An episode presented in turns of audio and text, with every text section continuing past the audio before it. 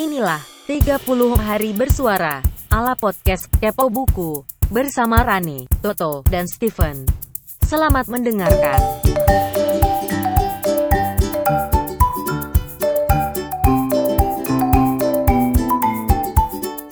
Halo, giliran gua lagi Rane Hafid di Kepo Buku edisi 30 hari bersuara. Buat yang baru dengerin di episode ini lagi setelah sekian lama nggak dengerin Kepo Buku, 30 hari bersuara itu teman-teman adalah challenge dari komunitas The Podcasters Indonesia untuk upload satu episode podcast setiap hari selama satu bulan di bulan Desember dengan satu kata kunci setiap hari yang sudah disiapin oleh teman-teman panitia dari The Podcasters Indonesia. Ini komunitas podcast yang terbesar dan teraktif di Indonesia saat ini. Asik. Dan Kepo Buku lagi ikutan challenge ini tentu dengan tema buku. Jadi lu bisa ikutin dari hari pertama coba dimundurin ke belakang atau gulung ke bawah. Kita mulai dari hari pertama. Seru-seru ceritanya. Oke, dan kata kunci hari ini yang sudah disiapkan oleh panitia adalah kecewa dan ini cerita gua. Salah satu dari segelintir buku yang gua yang paling berharga menurut gue dan gue simpan baik-baik adalah The Alchemist karya Paulo Coelho bukan saja novelnya tapi juga grafik novelnya alias komiknya yang kebetulan adalah pemberian sahabat baikku Mas Toto, teman co-host di Kepo Buku. Sedap. Makasih ya Tok. Baik banget emang Toto. Padahal sih dia ngasih ke gue karena dia nggak suka sama grafik novel dan udah kadung beli. Sebagai penggemar berat di Alchemist teman-teman, tentu ketika ada grafik novelnya dan dapat gratis pula ya tentu gue seneng banget. Tapi sekaligus juga gue kecewa Loh kok kecewa? Udah gratis juga masih aja kecewa. gini gini gini. Menurut gue ada buku yang memang udah deh cukup jadi buku aja. Nggak usah jadi visual, nggak usah jadi komik apalagi jadi film. Eh ngomong-ngomong udah tahu kan, The Alchemist itu mau jadi film. Produsernya itu Will Smith. Dan ini udah diumumin dari bulan Juni lalu, pertengahan tahun ini.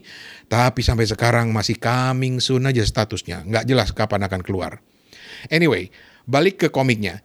Yaitu tadi, buku sedalam The Alchemist ini menurut gua kurang pas dijadiin komik karena tiap orang punya imajinasi yang berbeda-beda ketika membaca buku ini dan belum tentu cocok ketika dijadiin visual. Bukan cuma soal imajinasi ya, tapi juga soal pemahaman. Karena belum tentu apa yang kita pahami dan persepsikan dari buku ini bakal kita dapat ketika dia udah jadi versi visual.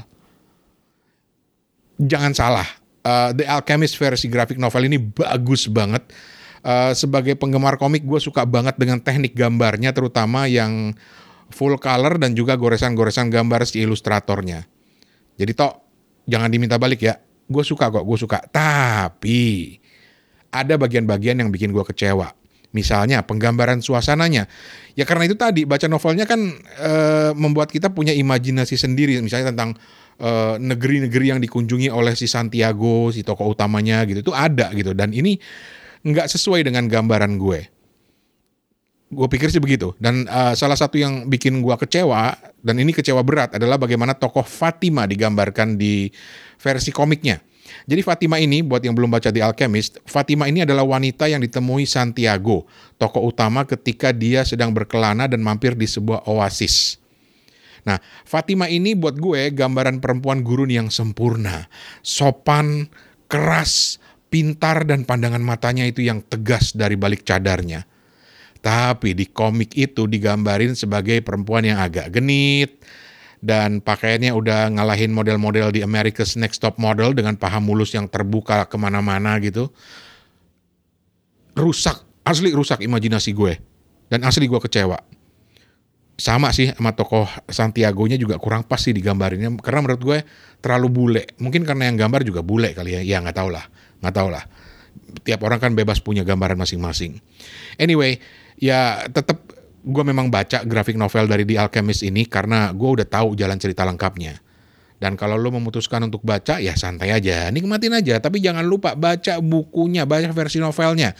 Atau baca dulu bukunya baru baca komiknya dan nanti mungkin bisa nonton filmnya. Kalau udah rilis dan kalau memang jadi rilis. Biar gak kecewa gitu menurut gue sih. Eh ngomong-ngomong soal buku yang jadi film ada lagi nih satu nih. Dan ini asli gue kecewa berat nontonnya. Udah nggak pakai agak lagi. Ini gue kecewa banget. Kenapa? Uh, bayangan gua tentang tokoh-tokohnya itu bubar semua ketika lihat filmnya, yaitu film Supernova, Kesatria, Putri dan Bintang Jatuh. Ini bagian pertama dari rangkaian serial-serial Supernova ya. Dan yang buat gua kecewa itu terutama karena gua ngelihat penggambaran tiga tokohnya. Yang pertama adalah pasangan gay Ruben dan Dimas yang diperanin sama Arifin Putra, Arifin Putra, Arifin Putra dan Hamish Daud. Yang buat gue di film itu nggak ada cocok-cocoknya, bubar semuanya bayangan gue ketika gue baca novelnya. Soalnya uh, kedua uh, tokoh gay ini digambarin tuh cerdas gitu, tapi di film itu buat gue jadi hilang dan asli jadi nggak menarik.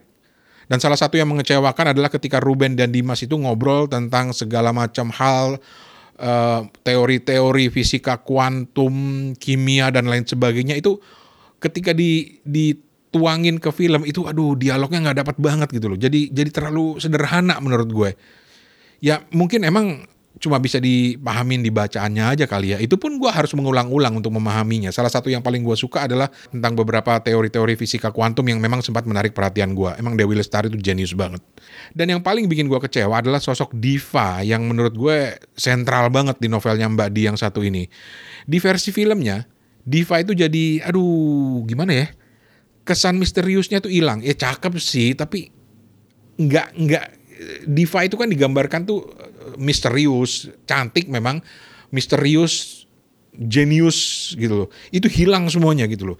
Dan aduh gimana ya? Minta maaf dulu nih kepada Mbak Paula Verhoeven. Jangan diaduin ke Mas Baim Wong ya ntar gue nggak dapat 500 juta lagi dari Mas Baim Wong nggak nggak nggak bercanda bercanda. Tapi ya minta maaf buat gue nggak cocok banget. Nggak cocok banget with all due respect buat gue nggak cocok banget. Dan uh, satu lagi dialog-dialog di film itu kok buat gue kaku abis. Asli kaku abis. Ini kayak pemeran itu baca baca baca skripnya tuh memang dibaca per per baris atau gimana kali ya? Per kata kali ya? Nggak tahu deh nggak tahu deh. Tapi ya gitulah, overall buat gue ketika pertama kali denger rangkaian pertama dari novel Supernova ini mau jadi film, kesan pertama gue langsung begini, heh emang bisa? Ini jelimet banget loh novel ini. Gimana bisa nuangin semuanya ke satu film berdurasi yang mungkin cuma kurang dari dua jam? Emang bisa?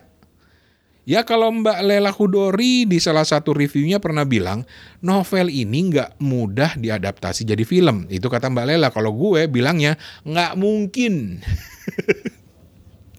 Terlalu ribet buat dijadiin film. Ya mungkin kalau diadaptasi diambil bagian-bagian tertentu ya mungkin bisa. Tapi kan beda jadinya gitu loh.